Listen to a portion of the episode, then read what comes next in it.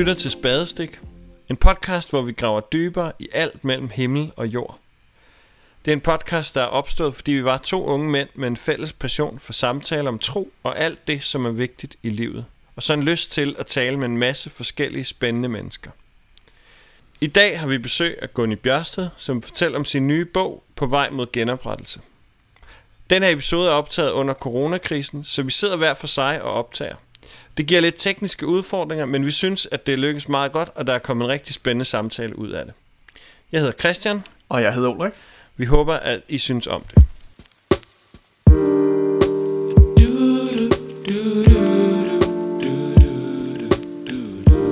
Jamen, velkommen til, Gunni Bjørsted. Øhm, jeg, kan jo, jeg kan jo sådan øh, godt afsløre, at, øh, at Gunni og jeg, vi kender hinanden udmærket. Øhm, man kan næsten sige, at Gunni han er min præst. Øhm, han er præstens præst. Og Gunni, vil du ikke sådan præsentere dig selv, inden jeg gør det for meget? Det vil jeg da gerne. Det er nok bedst. Det er det mest sikre, jeg gør det, Christian. jeg kan ellers godt fortælle nogle gode historier. Ja, det er det, jeg ved. Så ja, jeg skynder mig nu. Ja, det er godt. ja, jeg hedder jo øh, Gunni Bjørsted, og som I sikkert kan høre, så er jeg alt andet end københavner af, af fødsel. Jeg vokset op i, på en, en gård i, øh, i Vestjylland. Øh, ja, jeg er 63, har været præst i, øh, i Missionforbundets kirker i, øh, siden 1982. Og har jo, har jo stort set været rigtig glad for det. Nogle gange så er jeg så træt af kirke og desillusioneret og synes, det er noget værre noget.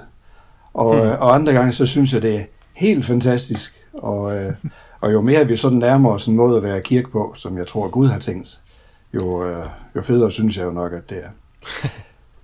Så er jeg optaget af at, at lede retræter. Det har jeg gjort de sidste øh, 16-18 år. Mm. Og øh, ja, så har jeg skrevet seks bøger. Sådan. Og, øh, og vi skal snakke om den nyeste af dine bøger, som, øh, som jeg går ud fra, ikke så mange af dem, der lytter, har, har fået anledning til at læse endnu. fordi at det var jo sådan, at, du, at den, skulle, den var sat til at blive udgivet. Øh, hvornår var det? 19. marts. 19. marts, og øh, der skete jo noget med vores samfund lige inden 19. marts, som blandt andet gjorde, at den der store øh, udgivelsesbogreception, den blev aflyst og, øh, og sådan. Øh, men det laver vi om på nu.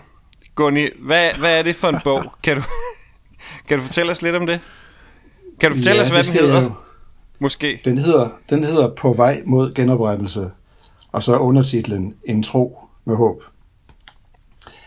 Altså, jeg har sådan øh, over for venner og bekendte kaldt det for mit livsbog. Og, og, mm. øh, og det kan sådan lyde lidt pompøst, men det, det er slet ikke det, jeg, jeg, jeg mener med det, fordi jeg, altså kvaliteten kan jeg jo ikke selv sådan bedømme og sådan. Men det er mit livsbog, øh, forstået på den måde, at, at nu her i starten af mine 60'ere, så synes jeg, at det er sådan lidt mere klart og tydeligt. Og også en lille smule mere modigt, nu er der aldrig nogen, der har beskyldt mig for at være specielt modig, men, men øh, så kan man hurtigt selv føle sig som det. Øhm, og, og, og give en beskrivelse af den kristne tro, som simpelthen giver mening for mig, og som jeg har lyst til at stå for, og som, og som jeg gerne vil, vil, vil kommunikere til, til mennesker, folk, der, der tror, folk, der er på vej væk fra deres gamle tro, folk, der eventuelt er på vej ind i den. Øhm, ja, så det er egentlig det, som, øh, som er baggrunden for, øh, for bogen. I den forbindelse så, øh, så opdagede jeg under skrivningen, at jeg rigtig ofte brugte ordet teologi, og det blev jeg så træt af, og tænkte, det er, der, det er også sådan lidt et, et nørdet øh, fagudtryk. Og, og så blev jeg så glad for udtrykket at beskrive troen. At teologi, det er trosbeskrivelse. Mm. Øhm, en beskrivelse af det, som... Ja, det har jeg sagt. Man kan altså godt sige det igen, hvis det er særlig klogt. Øhm, og, og den her bog, du siger, du siger den er, den er modig, fordi at du beskriver en tro, som faktisk giver mening for dig. Øhm, er der sådan, altså, ligger, ligger der noget andet, et, øh, et andet sted, som så er noget, der ikke giver mening, eller fordi du synes, troen er blevet beskrevet på måder, der ikke har givet mening? Ja, altså, jeg, jeg er jo vokset op i en, uh, i en sammenhæng, i en, i, en, uh, i en kirkesammenhæng, som jeg er rigtig glad for, skal jeg sige. Mm. Men uh, hvor jeg også vil sige, at vi havde forskrækkeligt meget ret. og det kan man jo sige, det er jo utrolig heldigt lige at, at være vokset op sådan et sted, hvor vi stort set har forstået det helt rigtigt. Men så møder man jo andre mennesker, skønne mennesker, som også søger Jesus, som lever med Jesus, og de har nogle andre formuleringer og nogle andre synspunkter. Øh, og, øh, og, der, og der, synes jeg, der synes jeg nok, jeg op gennem mit liv, også som præst, har måttet øh, bokse med en, og nu, jeg kalder det fundamentalisme, nu er det sådan et ord, der bliver brugt lidt i flæng. Øh, jeg, jeg definerer det i bogen som, øh, som den øh, overbevisning, at min mening om sandheden er lige med selve sandheden. Mm. Min mening om sandheden er lige med sandheden med stort. Øhm, og øh, hvor jeg tænker, det, det, er, det er utroligt farligt, øh, fordi så bliver sandheden godt nok lille, så bliver sandheden noget, jeg står med, mm. i stedet for en stor, vidunderlig, guddommelig virkelighed, som jeg får lov til at, at stå på med, med alt, hvad jeg er. Nå, men jeg, jeg har godt kunne mærke i løbet af, af livet, at, at, øhm, at der, der synes jeg, at den fundamentalisme har, har snæret øh, mere og mere gjort det mere og mere snævert, også i min måde at, at kommunikere med, med andre på. Så derfor har det været en dybt personlig proces for mig at, øh, at, at give mig lov til at ture stille spørgsmålstegn ved, ved alle ting.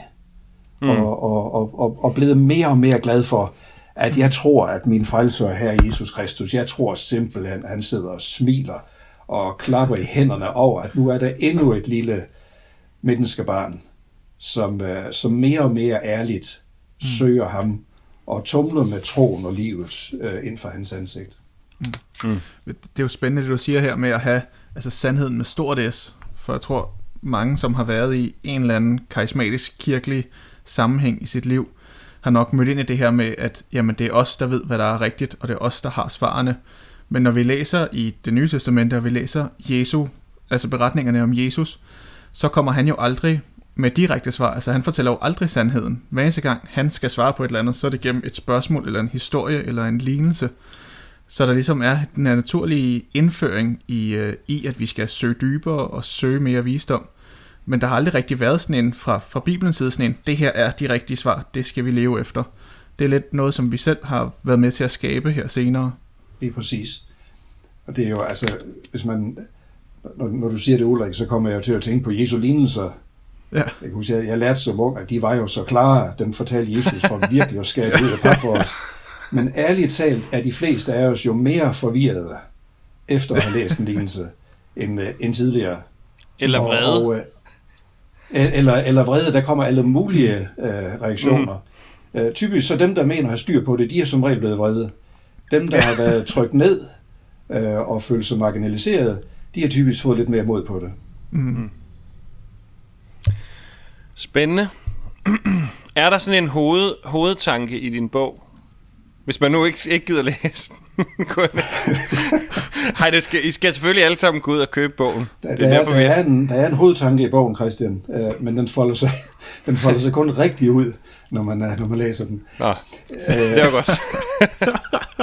ja, men altså, det, nu, nu, nu forklarer jeg det på en... Ja, det, det, er, det er altså virkelig enkelt, men, men hovedtanken er vel egentlig, en jagttagelse af, at Bibelen begynder med 1. Mosebog kapitel 1, mm. og ikke med 1. Mosebog kapitel 3. Det, det, det er en enkelt jagttagelse, ikke sandt? Men ganske og, og hvad er det forskellen er på de to, hvis vi lige skal oversætte det? Der er den forskel, at i 1. Mosebog kapitel 1, der får vi at vide, at Gud skaber verden mm. godt. Gud skaber mennesket godt. Han skaber det i kærlighed. Han altså i, i, sagt i, i metaforernes form, fordi ja. det er klart, at, at, at her er vi inde i en virkelighed, som, som langt ud mm. overgår en, en naturvidenskabelig beskrivelse, eller, men, men øh, den, den dybeste sandhed om, hvorfor vi er til, at Gud han former mennesket af jordens muld mm. i sit eget billede. Og så bøjer han sig ned og blæser sin egen livsånde ind i os mm. så vi bliver til levende mennesker. Altså, men det, det, er jo, det, er jo en, det er jo kærlighedshandling, så det står efter. Mm. Og, og, og, og der, det var Kristus dybt involveret i, tror jeg. Øh, det er det, det, var, det er kapitel 1 og 2. Mm. Øh, og, og så kommer så øh, beskrivelsen i kapitel 3 af, hvor, hvor det går galt, og hvor der bliver lukket alvorlig skade øh, mm. ind i verden og livet, hvor der bliver et, et, et brud i, i, kærlighedens reaktion, øh, i kærlighedens relation. Der bliver mistro, øh, der bliver beskyldninger mod hinanden, der, mm. bliver, der bliver en dybliggende skamfølelse. Nå, og så, og så er det, at, at øh, nogle gange, så, så synes jeg måske nok, vi i nogle kristne kredse, at så, så er vi, så er det som om, at først Mosebog 3 med syndefaldet, at det er det, der kommer til at definere os som mennesker. Ja. Øh, og, øh, og, og det har ødelæggende konsekvenser for vores selvbillede mm. og for vores syn på andre mennesker. Altså går man med en dyb skamfølelse over at være til, altså mm. det, det, ja. det er godt nok destruktivt. Det er, hårdt, man, det er hårdt at starte på. Det, det, det er det, og det er der jo ikke så få. Og det, det kender vi som, som præster, ikke mindst, og som medmennesker i det hele taget, mm. og, og måske nogle gange fra, fra vores eget sind. Så derfor så i al sin enkelhed, den der grundopdagelse, øh, det der definerer mig som menneske, det er, at jeg er skabt af en elskende Gud til mm. at være i hans kærlighed, og til at dele hans kærlighed med mit medmenneske og mm. min omverden. Mm. Det sætter så jo også sit, øh, det, det sætter jo sit dybe præg på, hvad vi forstår, for eksempel mm. ved, ved frelse. det kan man sige. Jamen det er ud, ud fra, øh, øh, hvis vi tager udgangspunkt i, i søndefaldsberetningen, så, så bliver frelse jo meget, øh, så kommer det til at handle om, hvordan kan jeg undgå at være mig? Hvordan kan jeg blive frelst i gåsøjne? Mm. Hvordan kan jeg blive reddet væk fra, fra skaberværket? Hvordan kan jeg blive øh, evakueret væk mm. fra, øh, fra Guds øh, vrede, som man så typisk vil, vil tale om i den, øh, i den øh, øh, trosbeskrivelse? Øh. Så, så, så frelse, det bliver egentlig sådan et meget egocentreret øh, evakueringsprojekt, som handler om, hvordan jeg ved at tro på den mm. rigtige måde, og eventuelt gøre den rigtige handling, bøje min knæ, eller gøre sådan og sådan for Jesus, at, øh, at så kan jeg score en forsikringspolice for, for evigheden. og øh, og, og jeg, jeg siger jo ikke, at det ikke er en helt vidunderlig gave for os, at, at vi får lov til, at Jesus Kristus viser os, at vi tilhører ham. Men det gør bare frelsesbegrebet så fattigt i forhold til at huske på, tror jeg i hvert fald, nu skal jeg ikke være fundamentalistisk og sige, at jeg bare har ret. Men det giver mening for mig at tænke, at frelse det dybest set er genoprettelse af skaberværket. Det er det, der er, er vansiget, at det bliver øh, smukt igen, at det, der er vredet skævt, at det bliver helet igen.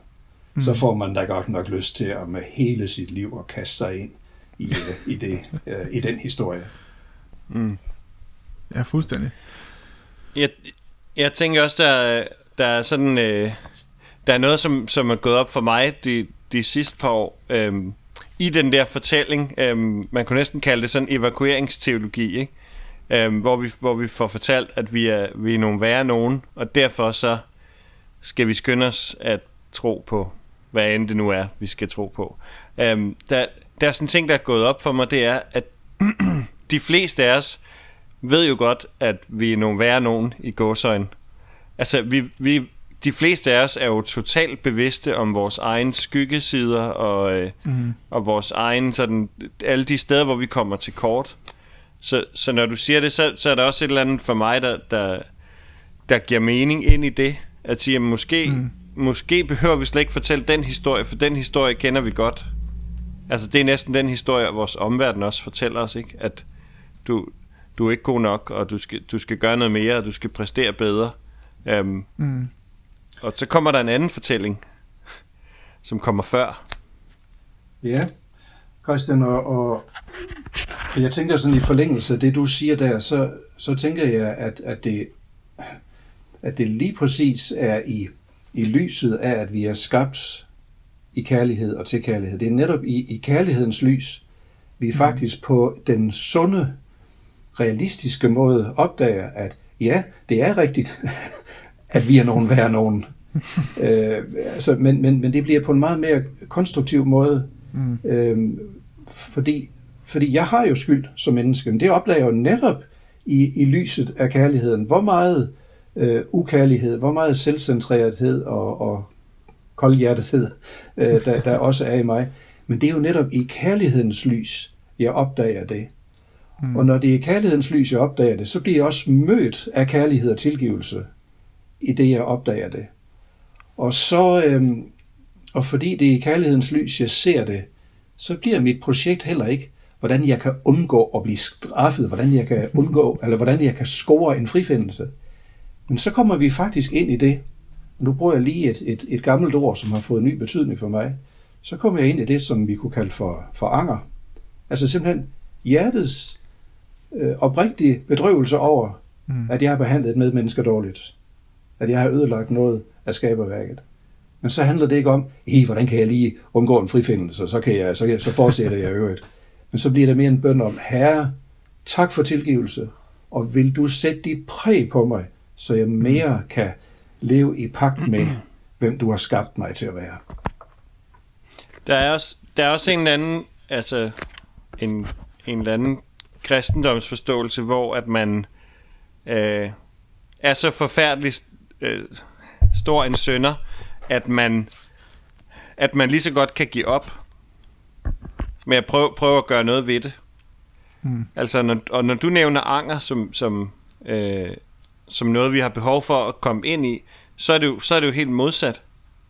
Så er det jo netop, når, i hvert fald når, sådan som jeg hører det, så er det jo netop som for os for at sige, at der er faktisk noget her, jeg gerne vil arbejde med. Mm. Lige præcis, lige præcis.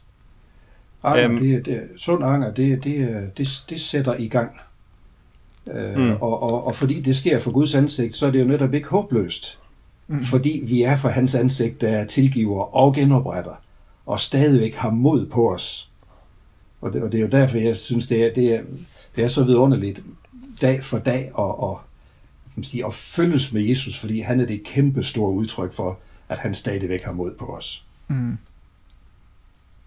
Jeg synes, det, det, det er sindssygt spændende. øhm, og når vi snakker det her sådan evaku- evakueringsteologi, så er det jo meget nemt at se, jamen så er det jo øh, øh mig som sønder, der lige pludselig får en billet til noget godt. Men jeg tænker, når vi, når vi mere tænker på genoprettelse af hele skaberværket, hvad er det så, vi ligesom bliver genoprettet fra og til? Altså, hvad er, hvad er målet så, hvis det ikke er mig, der skal have en billet ind i evigheden? Hvad er målet for genoprettelsen så? Jeg tænker, at, at målet for genoprettelsen, det er, at, at livet og verden igen bliver, som Gud har, har skabt det til at være. Mm. Øhm, og jamen altså, hvis man var stor digter, så kunne man jo virkelig lave mange digtsamlinger om det nu, og, og bare øse med en teske af Atlanterhavet i, i den virkelighed her. Mm. Men, men, men, men det, har med, det har med den uforbeholdende kærlighed at gøre. Der, hvor, hvor, hvor man er helt tryg på at være elsket. Der, hvor man deler Guds kærlighed med sit medmenneske, helt uden forbehold eller med taktiske bagtanker. Og det gælder hele skaberværket, så det gælder jo også, øh, det gælder klimaet, det gælder, øh, det gælder alle aspekter af vores liv. Og det gælder mm. også, og det har så ikke altid været en selvfølge heller i, i den kristne kirke, det gælder både sjæl og krop. Mm. Øh, vi har jo, mm. det kommer også lidt ind på i, i, øh, i bogen, at, at, at tidligt i den kristne kirkes historie, der sned der sig den tanke, det tankesystem ind fra den græske øh, filosofi, selv den, den øh, øh, platonske filosofi, at, øh, at verden var inddelt i, i to adskilte afdelinger. Der var idéernes rene verden, det åndelige, og, og så var det i det, det nedre, det fysiske, atomerne, materien, åh, hvor ulækkert. og, og, hvor, og, og når det sneg sig ind i kristen tro, så, så kom frelse til at handle om, hvordan man kunne blive frelst væk fra mm. det fysiske, væk fra materien, dybest set væk fra at være mig. Altså dermed hænger mm. den også lidt sammen med evakueringsteologien. Øh, ja. Og så kom Jesus, Guds søn, og lod sig føde som et barn, og lå og skreg i noget halm i Bethlehem. Mm. Og Max Lucado, han skriver i en af sine bøger, øh, Maria skiftede blæ på Gud. øh, den almægtige skulle lære at gå. Ikke? Altså, ja. Gud blev menneske. Og det var også derfor, det var så, det var så vildt, når de første kristne gik ud og, og fortalte om, om Gud, der døde på korset. En Gud, der, der blødte. Det var jo fuldstændig brud med, med, med den dualistiske, øh, platoniske tankegang, det som vi sådan filosofi historisk kalder for, for gnosticisme. Mm. Ja, så, øh, så, så vi er skabt med hele os, og der, derfor betyder frelse også genoprettelse af, af hele os. Ja. Det, har, det har så også konsekvenser for vores forventning om fremtiden af livet på den nye jord. Mm. At det er ikke sådan, øh, at det ikke bliver ikke sådan nogle øh, øh, gespenster. Vi, vi skal ikke øh, flage rundt som spøgelse eller kønsløse engle og, og synge halleluja i al evighed. Ikke også? Og alle tal keder os. Ja. Så tænker vi, hvor længe er der tilbage? Åh, oh, der er en evighed. Øhm, om det er jo det, der gør, at, at de allerfleste kristne ærligt talt ikke glæder sig til, til det evige liv på den nye jord, fordi vi har fået den der øh, ukropslige forestilling, eller det, det skal ikke øh, påstå, at alle andre har, men det, det har jeg, er jeg meget opdraget med. Altså, mm. hvor, hvor, hvor jeg tænker, jamen altså, himlen på den nye jord, det er netop livet, som det er skabt til at være. Så det er gode relationer, det er, det er varme jokes, det er klap på skulderen, det er dejlige gåture i bjergene, og så videre. Du har også en meget fysisk forståelse af, når, når du taler om ny skabning og ny jord. Altså for dig lyder det som om, det er, en, i, det, det er meget fysisk.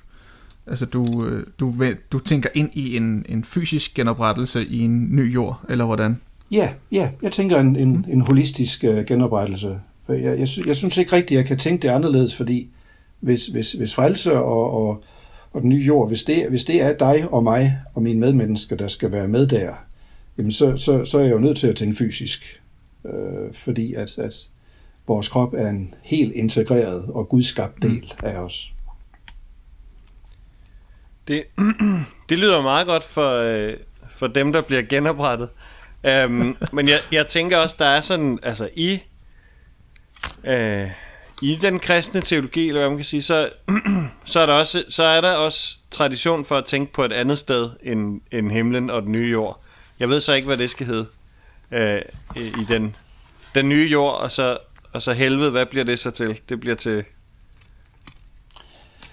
noget værre. Ja, det har jeg, ikke, har jeg ikke rigtig noget bud på. Jeg, jeg er meget optaget af at, at glæde mig til, til den nye jord og, øh, og reklamere for, for det. Øh, men, mm. men det er da klart, at øh, sådan kvæg min baggrund, så har jeg jo også siddet og hørt undervisning og forkyndelse om, omkring helvede, og er du klar, hvis Jesus kommer igen i nat, og, og, og, og sådan. Øh, og og jamen det, det handler kapitel 15 og 16 i, øh, i min nye øh, bog om. Og, altså, jamen altså, der er millioner af medmennesker, der oplever et forfærdeligt liv i øjeblikket. Mm. Øh, som vi med stor ret kan kalde helvede. Øh, usigelig ledelse.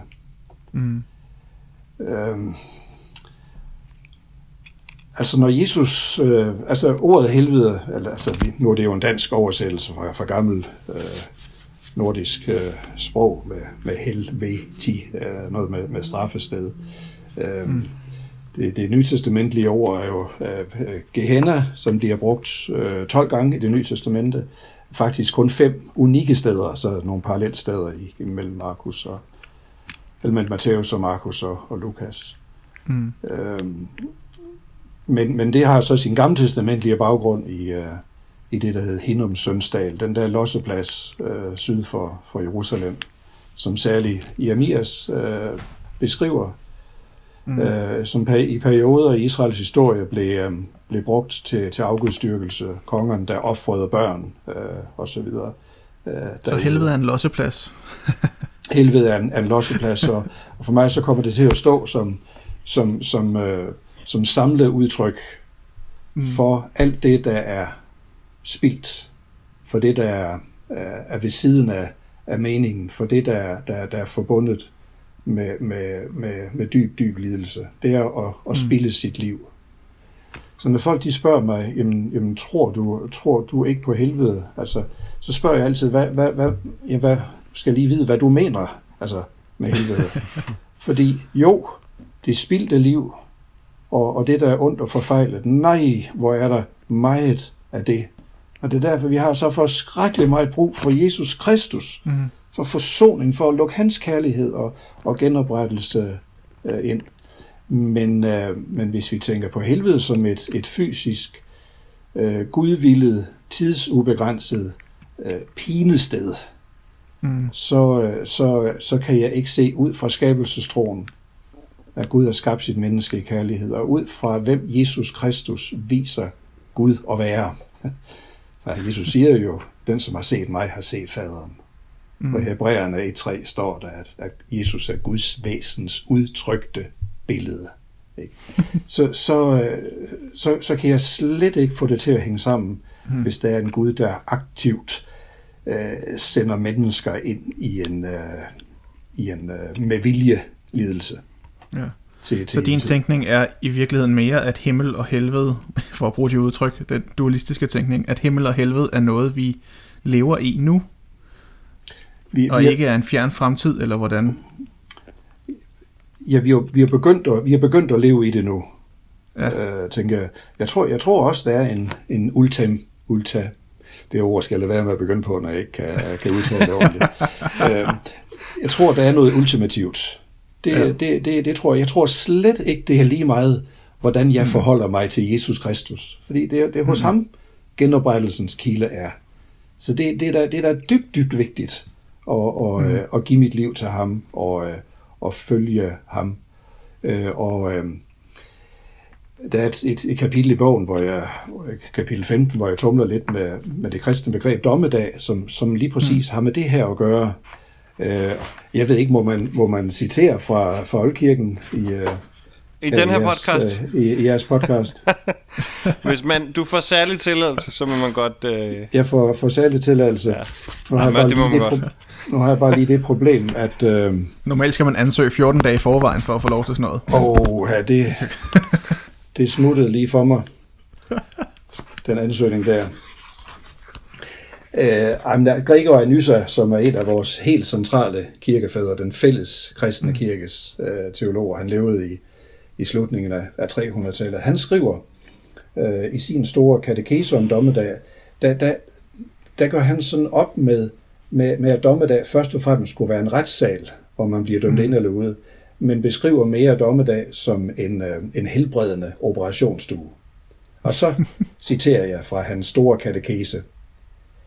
Om dommen som en helbredelsesproces og en terapi, som Gud bruger for at lede det væsen, han har skabt, tilbage til den oprindelige nåde.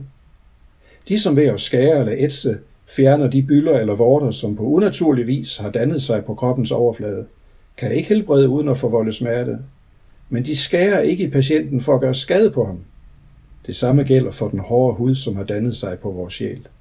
I dommens øjeblik bliver den hugget væk og skåret bort af den uudsigelige visdom og kraft hos den, som ifølge evangeliet er den syges læge. Mm.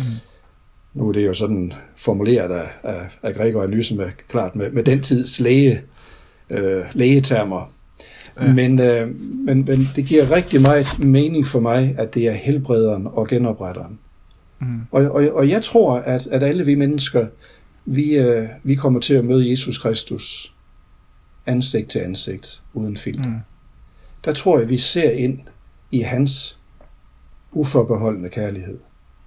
Jeg tror, vi ser hans kærlighed til os og til alle mennesker.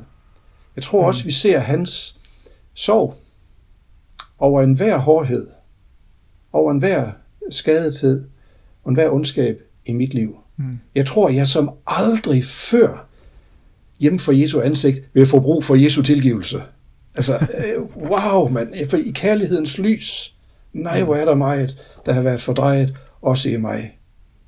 Og derfor så tror jeg, der vil blive en, der, der vil blive en beundring og en lovsang og en tilbedelse fra hele mit hjerte øh, over, at øh, jeg får lov til at være hans, øh, på grund af det, som, på grund af den, han er, på grund af det, han mm. gjorde på, på korset. Øh, og, øh, og den, øh, hvad skal man sige, hjemkomst ind for Jesu ansigt, den tror jeg, vi alle sammen øh, kommer til at møde. Mm. For, for at være lidt hård ved dig så, betyder det så, at du tænker, at vi alle sammen kommer ind i en himmel, eller vil der stadig være et eller andet evigt pinested, eller hvordan er din tænkning om det? Og der, og der skriver jeg jo i bogen, at det synes jeg ikke, vi kan, vi kan vide noget om. Altså, fordi hvis, hvis, det er utrolig svært. Det er utrolig svært, ja, og jeg, jeg, jeg synes måske i al beskedenhed, at det er sådan rimelig klogt at sige, at det ved vi ikke noget om. øhm, det, det vi ved, det er, at Gud han ønsker at frelse alle, for nu at citere fra først Timotheus 2.4. Mm. Øhm, og at han gør alt, hvad han kan for at nå os. Og hans mm. kærlighed strømmer ned over os, også på dommedag, i Jesu Kristi ansigt.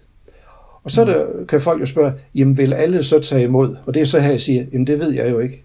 Men det kan jeg mm. håbe af hele mit hjerte. Og det håb, det ved jeg, det, det, det, det synes jeg altså næsten, jeg ved. Det er, at, at, at, at det håb, det deler jeg med den treenige ja. Gud. Øhm, og, og, men, men om alle, altså derfor så når øh, folk taler om universalisme, altså tankerne om, at, at, at alle bliver frelst, hvis vi skal vide det sige, det, det kan jeg ikke sådan lige sige, at, at jeg er, for der synes jeg, jeg gør mig klog på noget, jeg ikke ved. For jeg ved ikke, ja. om, om, om, om alle vil tage imod Guds kærlighed og tilgivelse øh, inden for hans ansigt. Men jeg tror, at alle får en kvalificeret anledning til at gøre det. Mm. Og, og det hænger jo rigtig godt i tråd med det, du også selv siger om fundamentalisten til at starte med, eller fundamentalisme, at vi jo dybest set aldrig kan have sandheden med stort S, øh, selvom der nok er, er mange af de her amerikanske televangelists, som står på skærmen uge efter uge og er sikre på, at de har sandheden. Men når vi reelt set skal sige noget om det, så kan vi jo ikke. Altså ingen af os har været inde i evigheden og vendt tilbage og kan reelt set sige, hvad der foregår. Øh, så det er svært at gøre så klog på noget, som, som vi ikke kan komme til at opleve. Ja, og det er her, og det, og det er her, at jeg synes, Oldkirkens teologer er sådan en gave til os at læse, mm. fordi det husker de på, det som du siger der, Ulrik. Ja. Øh, altså, de, de øh, mere end at gøre sig klog på, så, så undrede de sig. mm. og deres undren foldede sig ud i tilbedelse af den store, ja, forunderlige Gud, mm. som altid var større. Det, det skrev de jo gang på gang i deres værker. Deus Semper Major, ja. Gud, er altid større end mm. det, som, øh, som vi har skrevet og er kendt indtil nu. Mm.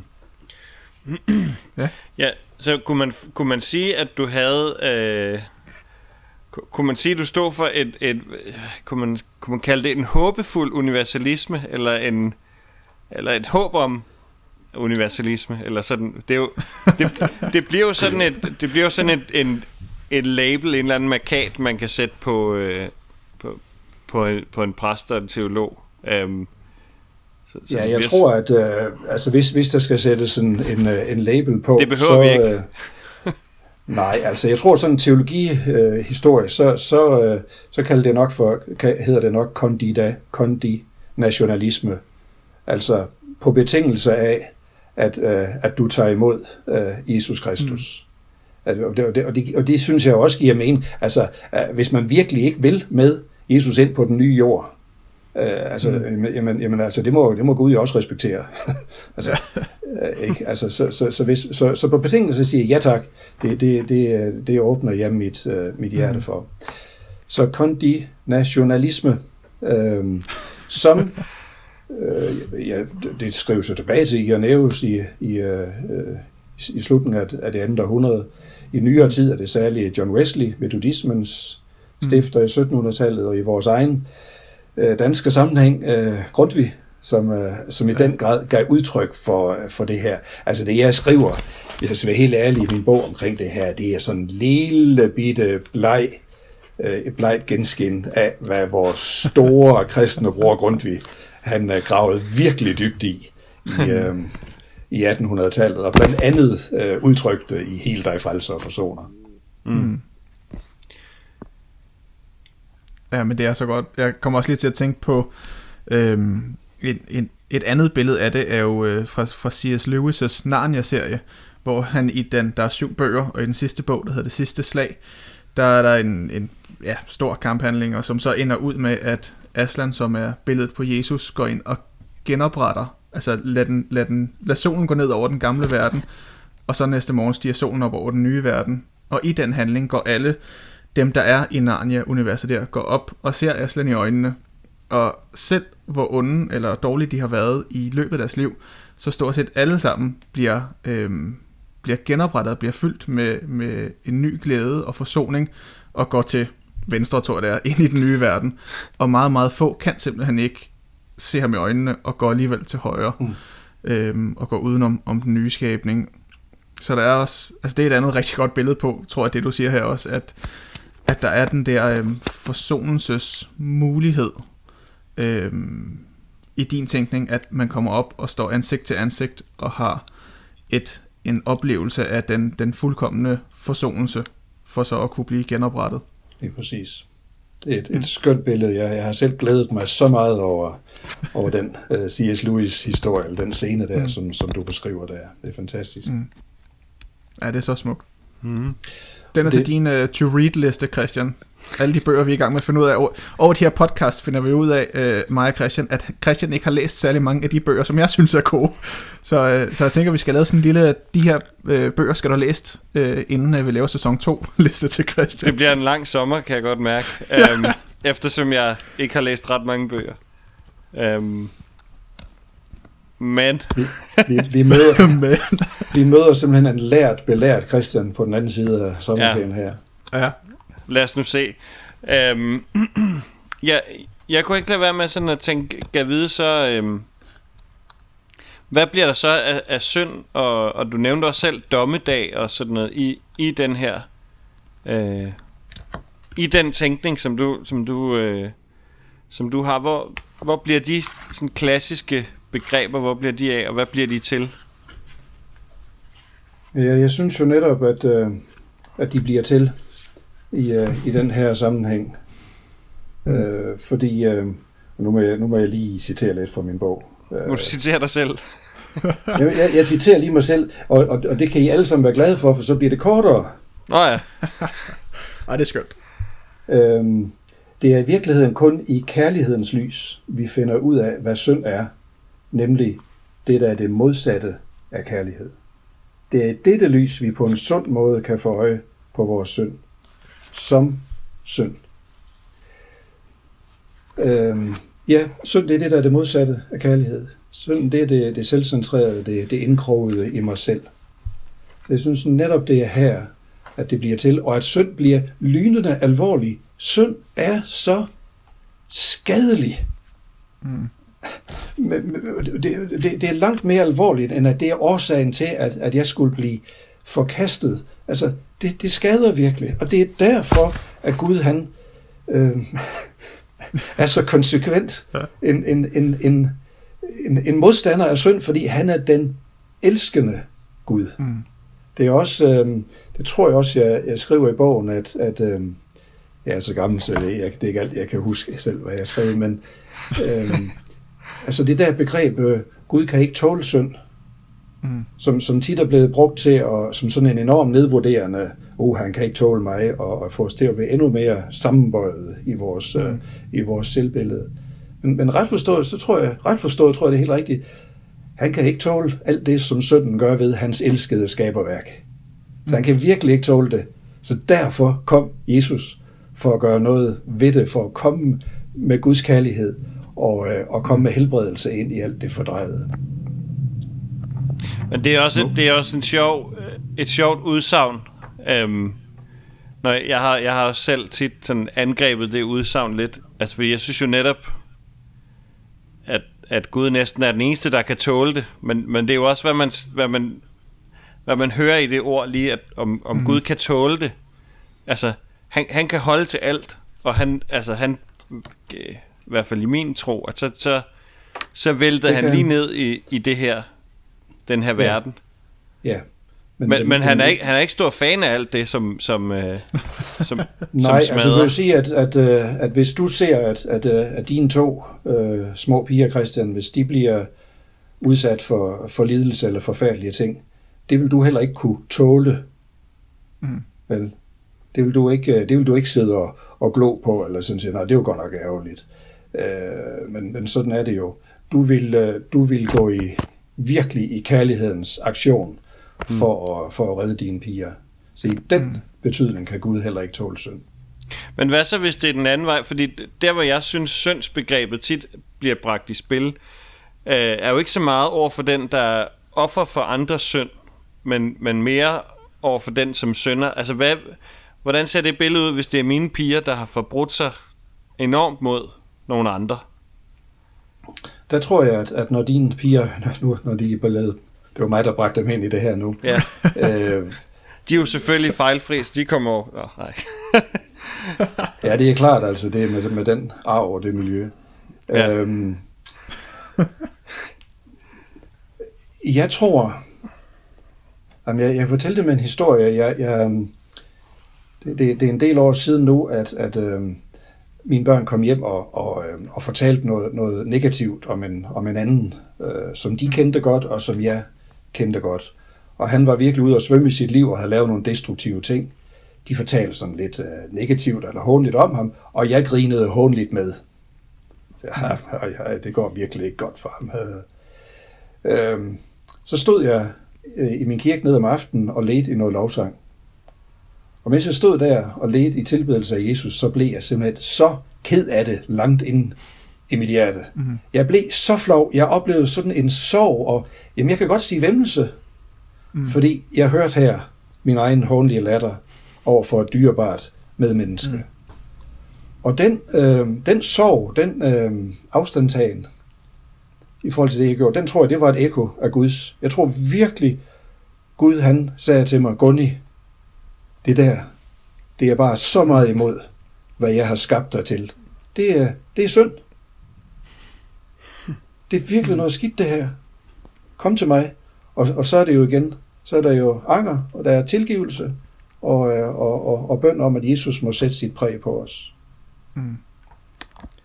Jeg har sådan et sidste spørgsmål, inden vi skal til at runde af. Øhm, fordi der har jo sådan... Øh, når vi snakker om synd, så har der også været tradition for ligesom sådan syndekataloger.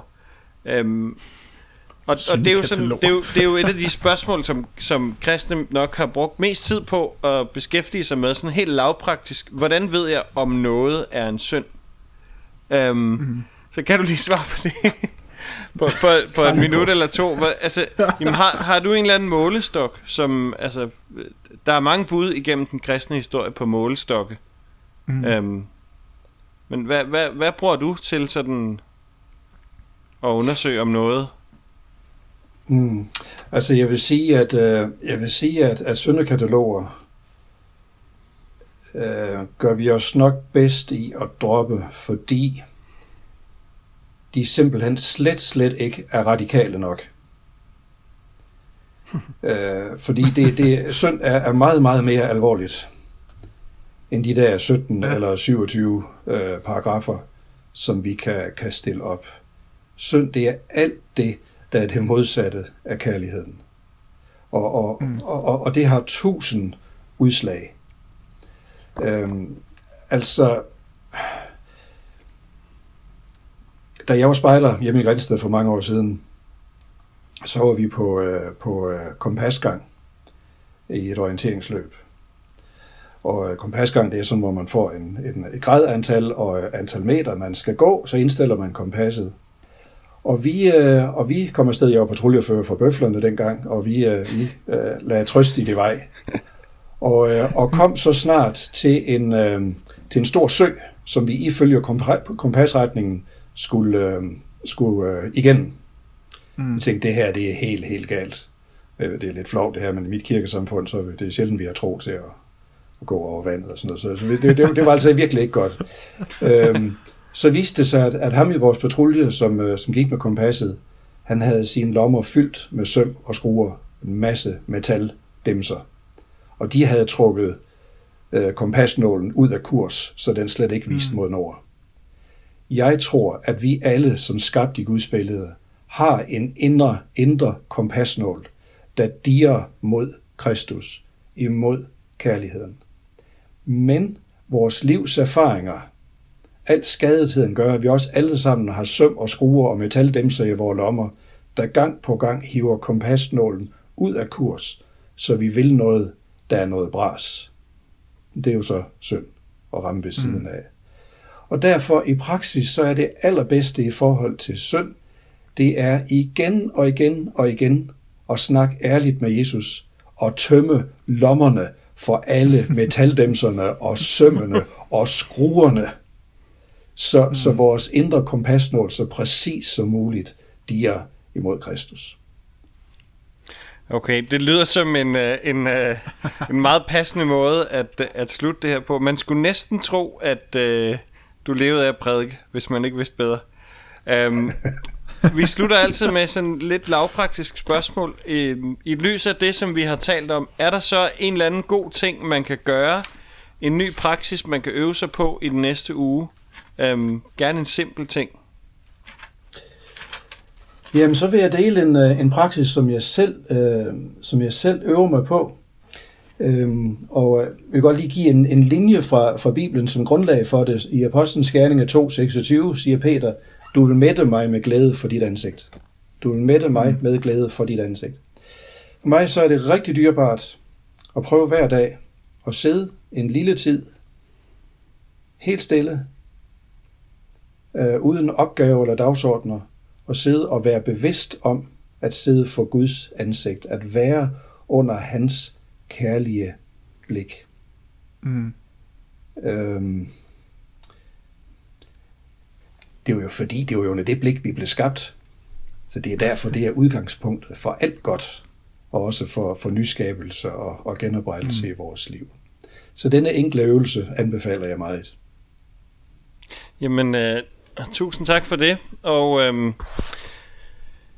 jeg håber, at, øh, at du, der lytter med, har fået, fået noget med fra den her samtale, og som du nok kan fornemme, så er det slet ikke nok at se filmen, eller i det her tilfælde at uh, lytte til podcasten. Du er nødt til at, uh, at anskaffe dig Gunnis bog på vej mod genoprettelse, hvis du vil undersøge nogle af de her ting mere. Er den nem at få fat i, Gunni? Det tror jeg, den uh, kan købes i enhver internet uh, boghandel. Uh, Sådan. Og hvis man går ind og googler på vej mod genoprettelse, så dukker den op. Sådan. Fantastisk. Jamen, hermed en opfordring givet videre. Øhm, vi håber, I synes om det, og vi tager altid selvfølgelig imod øh, kærlig, konstruktiv øh, feedback, og også gerne bare almindelig skulderklap og ros og alt det der. Vi høres ved. thank you